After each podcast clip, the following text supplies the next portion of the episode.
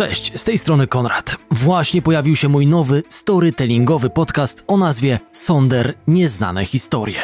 Wpisz nazwę Sonder Nieznane Historie w swojej aplikacji podcastowej i sprawdź kilka pierwszych odcinków. Do usłyszenia.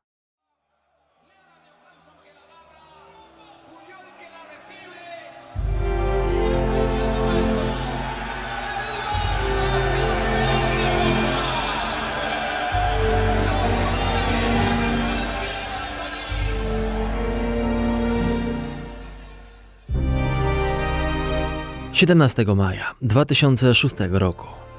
Piłkarze FC Barcelony świętują swój pierwszy od 14 lat triumf w rozgrywkach Ligi Mistrzów.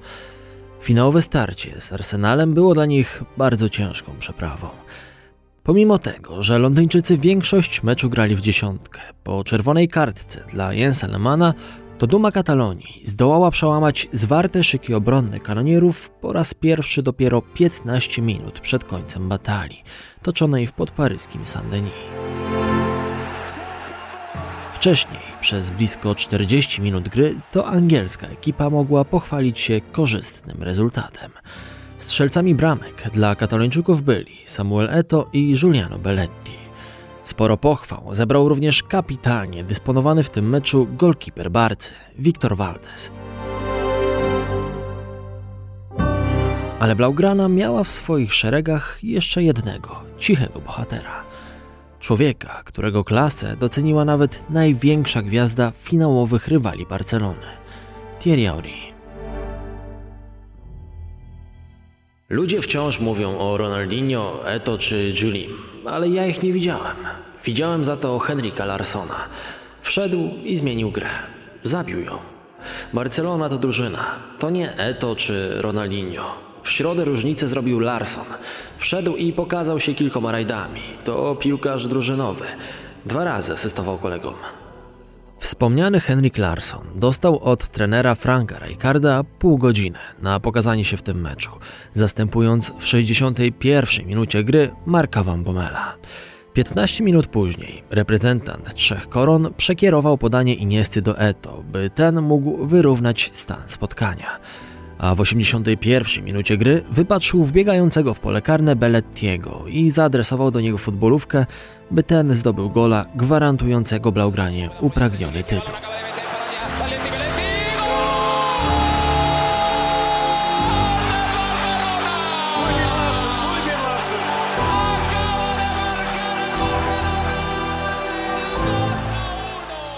Po latach Arsene Wenger tak będzie wspominał tamten dzień. Zmiana Larsona w finale to nie jest po prostu złe wspomnienie. To koszmar, który wciąż mnie prześladuje. Zlatan Ibrahimowicz. Zapewne to nazwisko przyszłoby Wam, drodzy słuchacze, do głowy, gdybym spytał Was o współczesnego szwedzkiego piłkarza, który pierwszy nasuwa Wam się na myśl. Jednakże zanim ekwilibrystyczne strzały Ibry i jego buńczuczne wypowiedzi zaczęły rozpalać kibiców piłki nożnej na całym świecie, to właśnie starszy o 10 lat Henrik Larsson był największą gwiazdą szwedzkiego futbolu. W dzisiejszym podcaście przypomnimy sobie sylwetkę tego nieco chyba niedocenianego gracza. Ale jeśli w swoim piłkarskim CV masz wpisaną zarówno FC Barcelonę oraz Manchester United, a oba te kluby chcą cię mieć w swoich szeregach grubo po twoich 30 urodzinach, to znaczy, że musisz mieć w sobie to coś. Do tego dochodzi status legendy, wypracowany podczas 7 lat gry dla Celticu. W historii dzisiejszego bohatera czas miał ogromne znaczenie i przekonacie się o tym kilkukrotnie w trakcie tego epizodu. Dlaczego o tym wspominam? Otóż partnerem dzisiejszego odcinka jest Allegro, które zapytało mnie, o czym zrobiłbym odcinek podcastu, gdyby dotyczył on czasu. Od razu pomyślałem o zawodnikach, którzy doświadczyli poważnych urazów, w tym o Larsonie, mając w pamięci feralne nagranie, na którym Henrik doznaje kontuzji i która to postawiła ogromny znak zapytania obok dalszej kariery Szweda. Wiele dni upłynęło, zanim znów mogliśmy cieszyć się z gry Larsona na najwyższym poziomie. Dla Allegro najważniejszym czasem jest ten, który spędzamy z bliskimi. I choć może jesteśmy w połowie listopada, to zaufajcie mi, że już warto przygotować świąteczne prezenty dla najbliższych, a nie zostawiać wszystko oczywiście na ostatnią chwilę. Aby Wam to ułatwić, Allegro przygotowało stronę, na której bez problemu znajdziecie prezent dający gwarancję spędzenia czasu z bliskimi. Chodzi o kalkulator czasu. Po wpisaniu tego, ile czasu chcemy spędzić z kimś bliskim, Allegro zaproponuje idealnie dobrany prezent. Zapewne ja proponowałbym wszystkim piłki, ale na pewno znajdziecie wiele innych rozwiązań. W końcu nie samym futbolem człowiek żyje. Link do strony z kalkulatorem znajdziecie w opisie podcastu. Nazywam się Konrad Szymański. Słuchacie podcastu Historie z boiska. Zaobserwuj go, aby być na bieżąco. Historie z boiska. Ciekawsza strona futbolu. 20 września 1971 roku. To właśnie tego dnia przyszedł na świat mały Henrik, będący synem Szwedki oraz mężczyzny pochodzącego z wysp Zielonego Przylądka. Stąd śniada karnacja przyszłego piłkarza. Chłopiec wychowywał się w liczącym około 100 tysięcy mieszkańców Helsingborgu, leżącym nad Zatoką Sund, zaledwie 4 km od wybrzeża Danii, gdzie z kolei po drugiej stronie wspomnianej zatoki znajduje się miasto Helsingør. Od geograficzna ciekawostka. Pan Francisco Rocha, ojciec małego Henki, był marynarzem, a także wielkim fanem futbolu. To on zaraził swojego syna miłością do tego sportu, a pierwszą futbolówkę podarował mu, gdy ten miał zaledwie 16 miesięcy. Mały Henryk uwielbiał również oglądać futbol w telewizji. Najbardziej podobała mu się liga angielska. Z wypiekami na twarzy oglądał szczególnie mecze Liverpoolu oraz Tottenhamu. Gdy Larson, który odziedziczył swoje nazwisko po matce, skończył 12 lat, jego rodzice niestety się rozwiedli. Na domiar złego rówieśnicy często szykanowali go z powodu karnacji. Wychowywałem się w robotniczej dzielnicy. W latach 70. sprawy związane z integracją wyglądały w naszym kraju inaczej niż dzisiaj. Choć nie jestem czarny, to mój kolor skóry jednak dość wyraźnie wyróżniał się na tle rówieśników. W takim miasteczku jak Helsingborg nie spotykało się wielu obcokrajowców. Byłem inny. Doświadczyłem pewnego rasizmu, ponieważ wtedy było czymś niezwykłym mieć w szkole ciemne dziecko. Byłem jednym z nielicznych. W tamtym czasie, w walce z troskami, które dotykały go na co dzień, pomagał futbol. Henka od szóstego roku życia trenował ukochaną dyscyplinę sportu. Zaczynał w niewielkim zespole Hygaborg. Był filigranowym dzieciakiem, co nie ułatwiało mu gry. Miał problemy w czasie starć z rówieśnikami, którzy przerastali go warunkami fizycznymi. W pewnym momencie tak bardzo zniechęcił się do futbolu, że chciał porzucić ten sport na amen i skupić się na unihokeju, który trenował równolegle z piłką nożną. Jednakże miejscowi trenerzy wyperswadowali mu ten pomysł, tłumacząc Larsonowi, żeby zacisnął zęby i się nie poddawał, gdyż jest obdarzony nieprzeciętnym talentem – tamtym momencie pewnie nawet oni nie przypuszczali, jak wielkim. Na szczęście Henrik posłuchał dobrych rad. Zakasał rękawy i wziął się za ostry trening. Dodatkowo w wieku 17 lat łączył grę w futbol z pracą pakowacza owoców w jednej z miejscowych hurtowni. Szwed długo musiał jednak czekać na swą szansę. Jeszcze w wieku 21 lat nadal reprezentował Hygaborg, grający wówczas na poziomie trzeciej ligi. I kiedy młody napastnik zaczął znów mieć wątpliwości, czy kiedykolwiek zdoła zrobić karierę jako profesjonalny gracz, czekanie po raz kolejny się opłaciło. Miałem coraz więcej wątpliwości, czy moje marzenie o wielkim futbolu kiedykolwiek się ziści. Wtedy pojawił się Helsingborg i zaoferował mi kontrakt 300 funtów miesięcznie, bez żadnych bonusów. Czułem się jak w niebie. Czas. Po raz kolejny czekanie się opłaciło. Regularna praca i cierpliwość pozwoliła wykonać chęce ważny krok w karierze. Kontrakt podpisany z drugoligowym Helsingborgiem nie był oczywiście szczytem marzeń dla młodego piłkarza, ale stanowił światełko w tunelu i jak się szybko okazało, był doskonałą trampoliną, która wywindowała go na salony europejskiej piłki. Zresztą o tą otarł się już wcześniej, bo zanim trafił do Helsingborga, zaliczył testy w Benfice, trenowanej wówczas przez jego rodaka, Svena Gorana Erikssona. Co prawda portugalski klub nie zdecydował się podpisać kontraktu z młodym przybyszem ze Skandynawii, ale jego nazwisko zostało zapamiętane przez Matsa Magnussona, ówczesnego piłkarza drużyny z Lizbony, który urodził się w tym samym mieście co Henrik i miał zamiar wkrótce wrócić do Helsingborga, by pokopać jeszcze na koniec kariery w macierzystym zespole. Magnusson, który był 30-krotnym reprezentantem Szwecji, a w barwach Benfiki strzelił ponad 80 goli, opowiedział prezesowi Helsingborgs IF o miejscowym chłopaku, którego chętnie zobaczyłby obok siebie w linii ataku.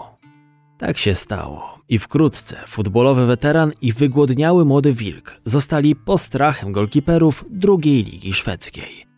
Przy Magnussonie talent Mokosa rozkwitł na dobre i Henka swój debiutancki sezon zakończył z 34 golami na koncie, co w ostatecznym rozrachunku pozwoliło awansować Helsingborgowi po 24 sezonach przerwy na najwyższy poziom ligowy w Szwecji pierwszym sezonie po powrocie do Allsvenskan Helsingborg zajął dziewiąte miejsce, a Larsson nadal stanowił najjaśniejszy punkt zespołu.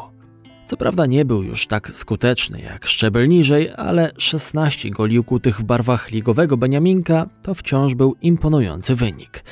22-latkiem zaczęły się interesować kluby z silniejszych lig kontynentu. Początkowo Henka był bliski porozumienia ze szwajcarskim Grasshoppers, ale ostatecznie wyścig po podpis utalentowanego Szweda wygrał Feyenoord Rotterdam. Holendrzy zapłacili 300 tysięcy funtów za napastnika Helsingborgu. Początki Henrika w klubie z Kuip wcale nie były łatwe. Dostosowanie się do nowej kultury, nauka nowego języka i szeroko rozumiany proces aklimatyzacyjny wymagał cierpliwości zarówno od nowego nabytku niderlandzkiej ekipy, jak i od sztabu szkoleniowego Feyenoordu. Czas znowu odgrywał ważną rolę w życiu Henki. Pierwszy sezon na poziomie Eredivisie to zaledwie 15 ligowych występów i jedna bramka Larsona – w międzyczasie Tommy Svensson postanowił dać mu szansę debiutu w reprezentacji trzech koron.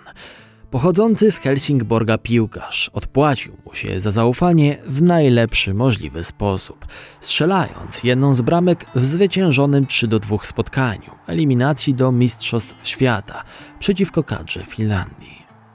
Bramka w debiucie zapowiadała, że oto w najbliższym czasie Szwecja zyska nowego piłkarskiego idola – Stanowiła także swego rodzaju bilet, który gwarantował Larsonowi miejsce na pokładzie samolotu, którym jego ojczysta reprezentacja udała się na mundial do Stanów Zjednoczonych.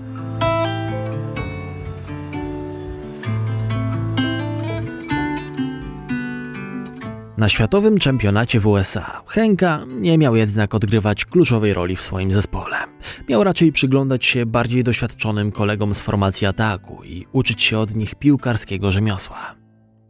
Jego rywalami do gry w pierwszym składzie byli bowiem Thomas Brolin z AC Parmy, Martin Dachlin z Borussii Mönchengladbach i Kenneth Anderson z francuskiego Lille.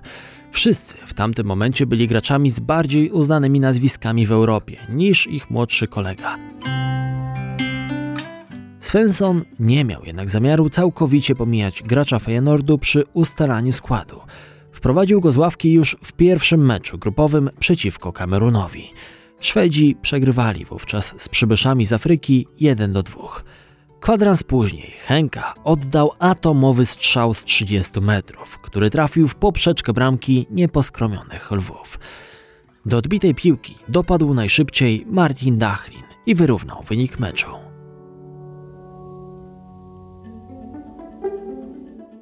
W kolejnym starciu przeciwko kadrze Rosji Henka dostał od selekcjonera 5 minut na grę. Za to w ostatnim spotkaniu grupowym z Brazylią zagrał od początku, by zostać zmienionym po 65 minutach. Dzięki dwóm remisom i wygranej z Rosją, reprezentacja trzech koron awansowała do fazy playoff. Spotkanie jednej ósmej finału z Arabią Saudyjską gracz Feyenoordu oglądał jedynie z ławki rezerwowych. Lecz jego koledzy poradzili sobie bez niego i po dwóch golach Andersona i bramce Brolina znaleźli się w ćwierćfinale amerykańskiego turnieju. Tam czekali na nich Rumuni, którzy na boisku dowodzeni byli przez Hadziego. Do rozstrzygnięcia zaciętej batalii potrzebny był konkurs rzutów karnych, gdyż po 120 minutach gry na tablicy świetlnej widniał wynik 2 do 2. Larson pojawił się na murawie w 107 minucie gry. Tommy Svensson desygnował go do wykonania rzutu karnego jako ostatniego z wybranej przez siebie piątki egzekutorów. Kiedy zawodnik Feyenoordu podchodził do futbolówki, wynik jedenastek brzmiał 3 do 3. Na 23-latku ciążyła ogromna presja, ale chwilę później mógł on eksplodować radością, gdy bramkarz Florin Prunea pofrunął do przeciwległego rogu niż ten, który wybrał Larson.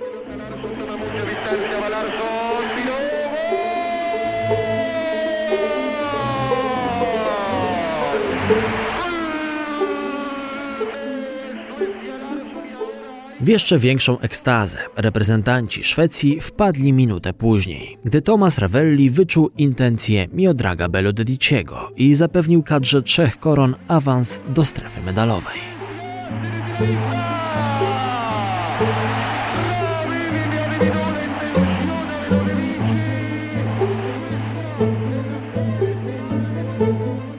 Ravelli i Larson wpadli sobie w ramiona. Byli w tamtym momencie bohaterami dla kibiców ze Skandynawii. Chociaż w półfinale Brazylijczycy okazali się dla Szwedów za silni, pozbawiając ich marzeń o zdobyciu trofeum po golu Romario, to już w starciu o trzecie miejsce podopieczni Svensona nie dali Bułgarom kompletnie żadnych szans, ustalając wynik spotkania na 4 do 0 już w pierwszej połowie meczu. Jednym ze strzelców okazał się być bohater dzisiejszego podcastu. Trzecie miejsce na świecie dla Szwedów było pewnego rodzaju niespodzianką. Udany występ reprezentacji trzech koron na turnieju w USA pozwolił Larsonowi zaistnieć w świadomości kibiców w każdym zakątku kuli ziemskiej. Chociażby w Brazylii, gdzie jego grę podziwiał pewien chłopiec z Porto Alegre. Okazało się, że Ronaldinho był moim wielkim fanem od czasów Mistrzostw Świata w 1994 roku. Nazywał mnie idolem. Każdego dnia, gdy widział mnie przechodzącego na trening, krzyczał z daleka: Idolo, idolo! To dodawało mi otuchy. Wspominał po latach Larson, gdy pytano go o jego początki przygody z FC Barceloną. Być może małego Ronaldinho zachwyciła nie tylko efektowna gra szwedzkiego piłkarza. Przez wiele lat Henka wyróżniał się na boisku nie tylko ponadprzeciętnymi umiejętnościami. Długie dredy, zwisające z jego głowy, stanowiły przez wiele sezonów znak charakterystyczny urodzonego w Helsingborgu gracza. Ściął je dopiero pod koniec kariery, gdyż, jak sam opowiadał, w pewnym momencie zrobiłem się już na nie za stary. Poza tym obrońcy mnie ciągle za nie szarpali w polu karnym. Po mundialu w 1994 roku Henka powrócił do Holandii, by spędzić w barwach Feyenoordu jeszcze trzy sezony. W zespole z Eredivisie nigdy nie wdrapał się na cokół lidera. Nie potrafił się odnaleźć na The Kuip. Czuł się tam nieszczęśliwy i nigdy nie otrzymał pełnego wsparcia ze strony klubowych trenerów. Był rzucany na różne pozycje, co nie sprzyjało stabilizacji jego formy. Latem 1997 roku Szwed poprosił swojego agenta o znalezienie mu nowego zespołu. Klauzula widniejąca w jego kontrakcie pozwalała na odejście w momencie, gdy ktoś zdecyduje się zapłacić Feyenoordowi 600 tysięcy funtów. Sprawę inaczej widzieli działacze z Rotterdamu i ostatecznie ta trafiła do Trybunału Arbitrażowego, który po jakimś czasie przyznał rację Henrykowi i pozwolił mu na transfer do innego klubu. Tym samym, latem 1997 roku, Larson i jego agent polecieli do Glasgow, by tam dopieścić warunki umowy pomiędzy szwedzkim piłkarzem i Celticiem. Niespełna 4 lata gry w lidze holenderskiej Henrik zakończył bilansem 101 spotkań ligowych i 26 goli, przy okazji zgarniając dwa puchary Holandii. Ale tłuste lata miały dopiero nadejść. Chociaż początek wcale tego nie wskazywał. W debiucie w nowej drużynie Larson wszedł na boisko z ławki rezerwowych – Niedługo potem stracił piłkę, w następstwie czego gracz Hibernian, Chick Charley, zapewnił swojemu zespołowi zwycięstwo 2 do 1. Z kolei pierwszy mecz Henki w europejskich pucharach zakończył się golem, samobójczym. Jednak, jak głosi stare przysłowie, mężczyznę poznaje się po tym, jak kończy, a nie jak zaczyna. Natomiast siedmioletnia przygoda Szweda z The Boys przypadła na okres szczytowej formy, noszącego wówczas dredy piłkarza.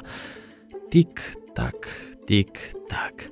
Przesuwały się wskazówki zegara, a forma reprezentanta trzech koron rosła. 16 goli Szweda w całym sezonie walnie przyczyniło się do pierwszego mistrzostwa Szkocji dla Celticu od 10 lat. Potężny strzał z ponad 20 metrów w wykonaniu Henryka, oddany w starciu z St. Johnston w ostatniej kolejce tamtej kampanii, stanowił moment ukoronowania i przełamania dominacji protestanckich rywali z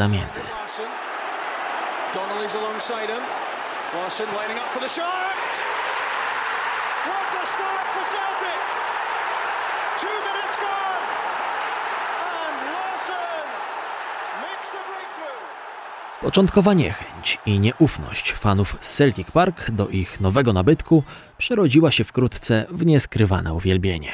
A jeśli jakikolwiek kibic The Hoops miał w tamtym momencie jeszcze jakieś wątpliwości co do jakości ich nowego nabytku, to z pewnością wyzbył się ich rok później.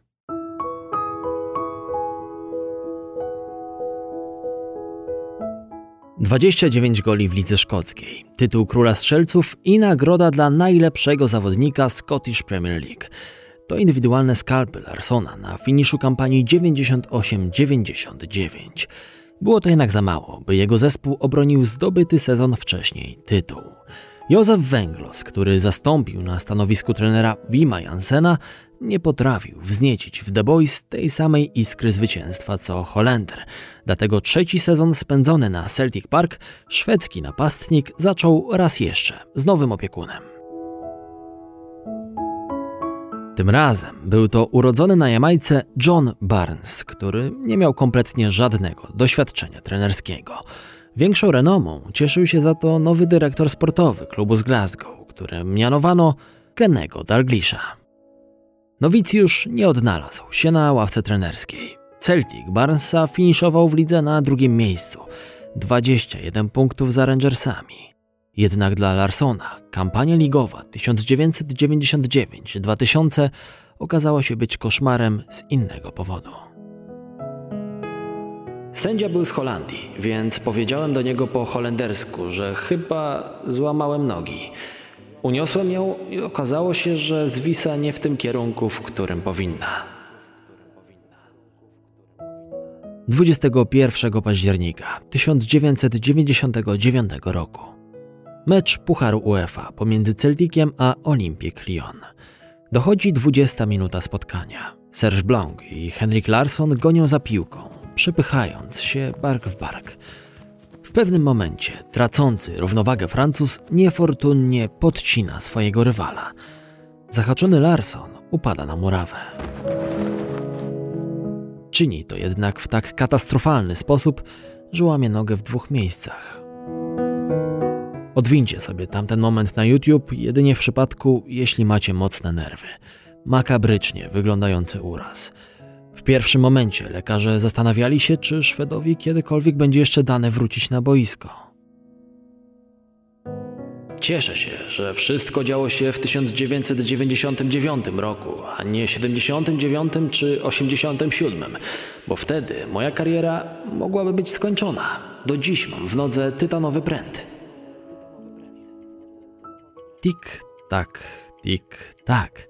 Zegar znów zaczął odliczać, a Henrik po raz kolejny w swoim życiu walczył o powrót do formy i musiał cierpliwie czekać, by znów cieszyć się grą. Tym razem była to najtrudniejsza walka w jego życiu. W trakcie rehabilitacji zmagałem się z prostymi życiowymi czynnościami. Problemem stawało się pójście do toalety. Nie sądzę, żeby ktoś, kto nie był w takiej sytuacji, rozumiał, jak to jest. Dzięki temu jeszcze mocniej walczyłem o powrót na boisko. Dałem z siebie wszystko. Poza tym zajęło mnie odliczanie czasu do Euro 2000. Doznałem kontuzji w październiku. Do mistrzostw zostało tylko kilka miesięcy. Gra na nich stała się moim celem. Udało mi się go zrealizować. Ostatecznie powrót do gry zajął Hence 8 miesięcy. Zdążył zagrać w ostatnim meczu sezonu, a duet trenerski Lars Lagerbeck i Tommy Sederberg, który wspólnie piastował funkcję selekcjonerów reprezentacji Szwecji, zabrał gracza Celticu na turniej do Beneluxu. Swoją drogą Szwedzi w czasie eliminacji do tamtego turnieju dwa razy pokonali reprezentację Polski. Larsson był jednym z autorów goli w wygranym 2 do 0 starciu z Polakami w Sztokholmie na zakończenie kwalifikacji. Sam turniej był jednak dla Skandynawów rozczarowaniem. Porażki z Belgami i Włochami oraz remis z Turcją nie pozwoliły im wyjść poza fazę grupową. Na pocieszenie Henrik strzelił gola w starciu z Italią. Tamten sezon gracz Celticu mógł spisać na straty. Jednakże kolejna kampania ligowa pozwoliła mu powetować sobie wszelkie troski i niepowodzenia. Skończył ją z imponującym bilansem 53 goli w 50 meczach. Statystyka, która przywodzi raczej na myśl Lionela Messiego czy Cristiano Ronaldo – Henka zgarnął niemal wszystkie wyróżnienia indywidualne, które mógł w tamtym czasie zdobyć zawodnik występujący w Scottish Premier League. Dodatkowo otrzymał złotego buta dla najlepszego strzelca w ligach europejskich. Sam Celtic znów mógł znieść trofeum przeznaczone dla mistrza Szkocji. Dodatkową satysfakcję fanom The Boys sprawił z pewnością fakt, że Larson swojego 50 gola w sezonie strzelił w wygranych 3 do 0 Old Firm Derby, co przypieczętowało sukces Celticu. Ówczesny menadżer Rangersów, Dick Advocat, powiedział po tamtym starciu. Larson to jeden z najlepszych napastników w Europie, a może i na świecie – gdy oglądasz Batistutę, to on czasami jest niewidoczny przez cały mecz, by w końcu strzelić dwa gole. Larson potrafi więcej. Jest dobry, strzela gole, ale w dodatku jest pracowity i widać go na całym boisku. Kolejny sezon to kolejny tytuł mistrzowski i debiut ekipy z Glasgow w piłkarskiej Lidze Mistrzów, gdzie Henrik strzelał gole przeciwko FC Porto i dwukrotnie Juventusowi. Pomimo dzielnej postawy i dziewięciu punktom na koncie, Hoops nie zdołali awansować do fazy playoff Champions League.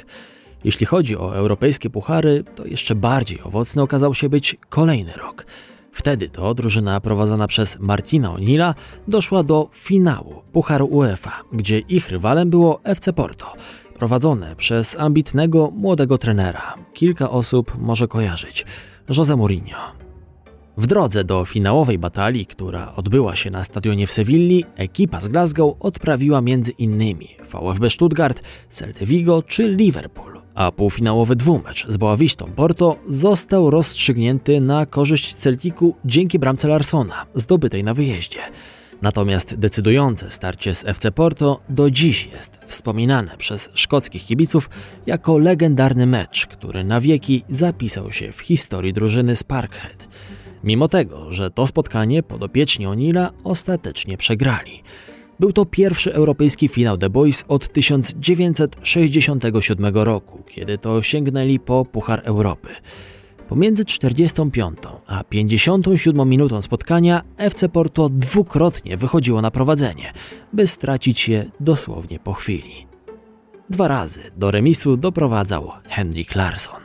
Rozstrzygnięcie przyniosła dopiero dogrywka, gdy osłabiony czerwoną kartką Celtic skapitulował po strzale Derleya. 70 tysięcy szkockich fanów, którzy najechali Andaluzję, musiało przełknąć gorzką pigułkę z napisem porażka, ale ostatecznie mogli być dumni z niezłomnej postawy swoich ulubieńców. Na pomeczowej konferencji prasowej The Special One nazwał portugalsko-szkocki pojedynek istnym rollercoasterem. Sam Larsson podczas całego pucharowego rajdu The Boys strzelił 11 bramek, co dało mu tytuł wicekróla strzelców Pucharu UEFA. Lepszy o jednego gola okazał się finałowy kat Celticu, Derley. Co ciekawe, na najniższym stopniu podium w tej klasyfikacji zameldował się wówczas Maciej Żurawski z Wisły Kraków. Sezon 2003-2004 okazał się być ostatnim, podczas którego Henka przywdziewał barwy zespołu z Glasgow. Na pożegnanie z kibicami z Parkhead przyczynił się do zdobycia kolejnego mistrzostwa oraz Pucharu Szkocji. Ojczyznę Williama Wallace'a opuszczał mając na koncie cztery tytuły mistrzowskie i dwa puchary kraju. Do tego dorzucił dwa puchary ligi.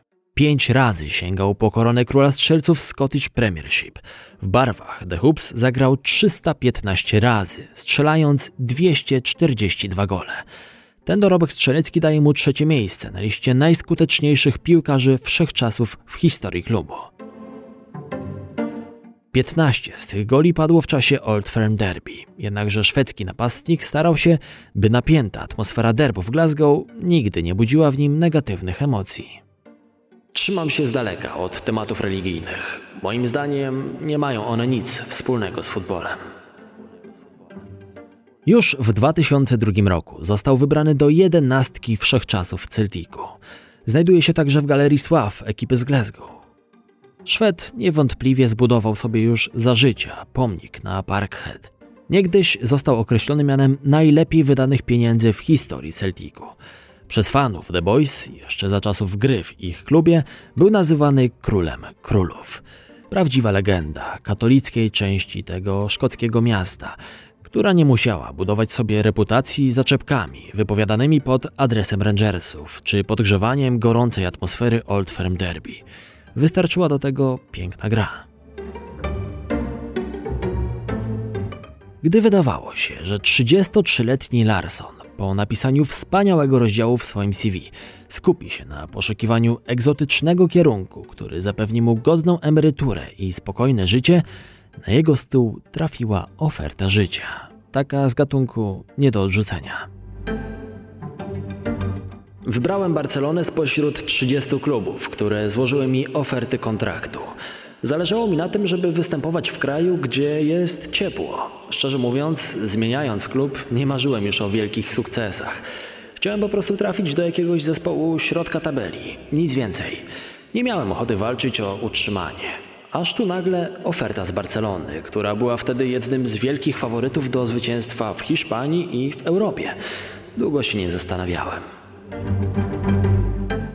Międzyczasie były już gracz Celticu postanowił ponownie wskoczyć w trykot reprezentacji trzech koron. Pierwotnie zrezygnował z gry w drużynie narodowej po mundialu w 2002 roku, na którym Szwecja odpadła w jednej ósmej finału z Senegalem, a sam Larsson strzelił na tym turnieju trzy gole. Perspektywa gry na Euro 2004 skusiła jednak Henkę do ponownego przywdziania niebiesko-żółtych barw. W dodatku do powrotu namawiał go jego syn, a szwedzcy kibice wystosowali nawet w tym celu specjalną petycję. 5 czerwca 2004 roku Larsson strzelił pierwszego gola dla kadry po niemal dwuletniej przerwie. Jego ofiarą w meczu towarzyskim padła, no zgadnijcie, pytanie za 100 punktów, kto mógł to być? Zgadza się, ponownie reprezentacja Polski. Wcześniej biało-czerwoni znów musieli uznać wyższość Skandynawów w czasie eliminacji do europejskiego czempionatu. Na portugalskich mistrzostwach nowy nabytek Barcelony popisał się zdobyciem trzech bramek, a jego gol zdobyty szczupakiem w spotkaniu z Bułgarią został uznany za jedno z najpiękniejszych trafień tamtych mistrzostw. Szwedzi musieli jednak pożegnać się z turniejem już w ćwierćfinale, w którym ulegli po rzutach karnych Holendrom.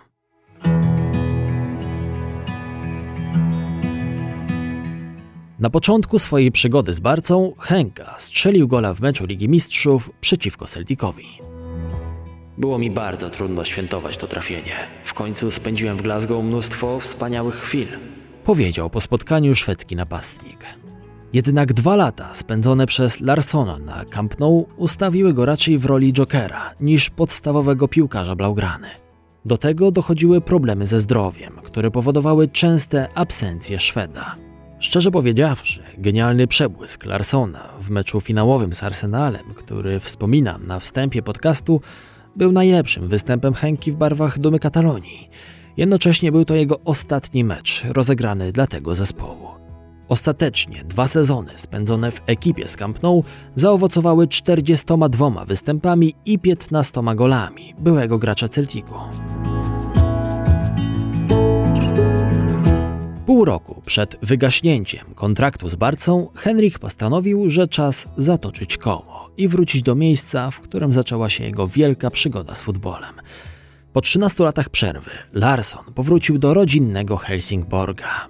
I gdy wydawało się, że w karierze Henrika nie wydarzy się już nic ciekawego, z ofertą wypożyczenia wkroczył ubrany cały na czerwono kolejny wieloletni fan talentu szwedzkiego snajpera, Sir Alex Ferguson, który szukał zastępstwa dla kontuzjowanych Luisa Sachy i Ole Guna Solskiera.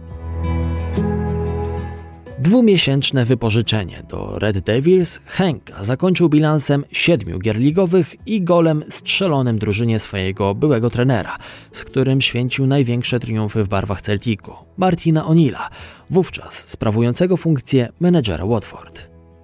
Włodarze klubu z Old Trafford chcieli przedłużyć pobyt doświadczonego piłkarza w Manchesterze, na co nie przystał sam zainteresowany, tłumacząc, że obiecał szybszy powrót rodzinie oraz działaczom Helsingborga. Całkowity bilans Henki stanął na 13 grach i 3 trafieniach. Był fantastyczny. Jego profesjonalizm, jego nastawienie. Chciałbym, żeby został, ale oczywiście szanuję jego decyzję i obietnicę złożoną rodzinie. Mimo to zrobiłbym wszystko, by został z nami chociaż chwilę dłużej. Opowiadał Sir Alex Ferguson. Henrik Larsson odwiesił buty na kołku w październiku 2009 roku.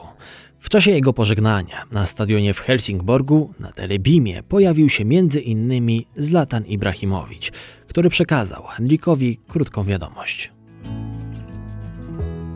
Dziękuję Ci za wszystko, co dla mnie zrobiłeś. Jesteś osobą, która bardzo mi pomogła, moim nauczycielem. Jestem zachwycony, że mogłem grać u Twojego boku. Wiem, że kochasz piłkę nożną, ale wszyscy wiemy, że każdy z nas w swoim czasie będzie musiał podjąć podobną decyzję. W każdym razie życie toczy się dalej i życzę Ci powodzenia na jego nowej ścieżce. Jeszcze raz, wszystkiego dobrego. Wspaniałe słowa genialnego piłkarza, skierowane pod adresem jednego ze swoich mentorów. Mentora, którego trzy miesiące wcześniej dotknęła wielka tragedia. 6 czerwca 2009 roku młodszy brat Henrika, Robert, który od dłuższego czasu zmagał się z uzależnieniem od narkotyków i alkoholu, został znaleziony martwy we własnym mieszkaniu. Larson dowiedział się o tym bezpośrednio po zakończeniu meczu reprezentacji przeciwko Danii. Mimo, że nie mogłem nic zrobić, ciągle czuję się winny. Nikt z naszej rodziny nie mógł nic zrobić, aby go wyswobodzić od narkotyków. To były jego demony i sam musiał stawić im czoło. Chciałem być obok niego i pomóc mu w tej walce. Po zakończeniu kariery nasz dzisiejszy bohater zajął się karierą trenerską. W tym roku został jednym z asystentów Ronalda Kumana, który z początkiem sezonu przejął pieczę nad FC Barceloną. Wielu ekspertów piłkarskich zarzucało Henrikowi w czasie jego kariery, że bite przez niego wspaniałe rekordy strzeleckie mają tak naprawdę niewielką wartość, gdyż są szlifowane w lidze szkockiej, w której panuje duopol klubów z Glasgow, a reszta drużyn stanowi zaledwie tło dla ich rywalizacji.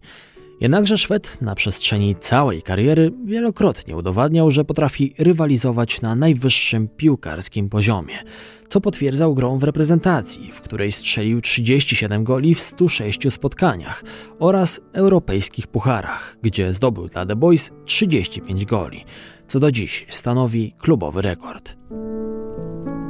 Zresztą Henka jest także najlepszym strzelcem wszechczasów, jeśli chodzi o rozgrywki Pucharu UEFA i Ligi Europy. Nawet pod koniec kariery, kiedy to zaliczył epizody w Barcelonie oraz Manchesterze United, pokazywał, że nadal może rywalizować jak równy z równym z najlepszymi. I możemy tylko żałować, że nie reprezentował barw tych klubów w swoim prime time. Instynkt strzelecki i niebywała pracowitość, dredy, którymi wyróżniał się przez wiele lat na boisku i cieszynka z wyciągniętym językiem, niczym z logo Rolling Stonesów. Larson z pewnością miał pakiet różnorakich cech, które na zawsze zakodują reprezentanta Szwecji w naszej pamięci. Sam Henrik twierdzi, że w swojej karierze żałuje tylko dwóch rzeczy. Przegranego finału Pucharu UEFA z 2003 roku i zbyt krótkiego pobytu w Manchesterze United. Obecnie europejskie boiska stara się podbić jego syn, 23-letni Jordan, który swoje imię zawdzięcza najlepszemu koszykarzowi wszechczasów. Larson Junior reprezentuje barwy Spartaka Moskwa. Czy historia futbolu doczeka się kolejnego wybitnego członka rodziny Larsonów? Nie wiem jak wy, ale ja nie miałbym nic przeciwko temu.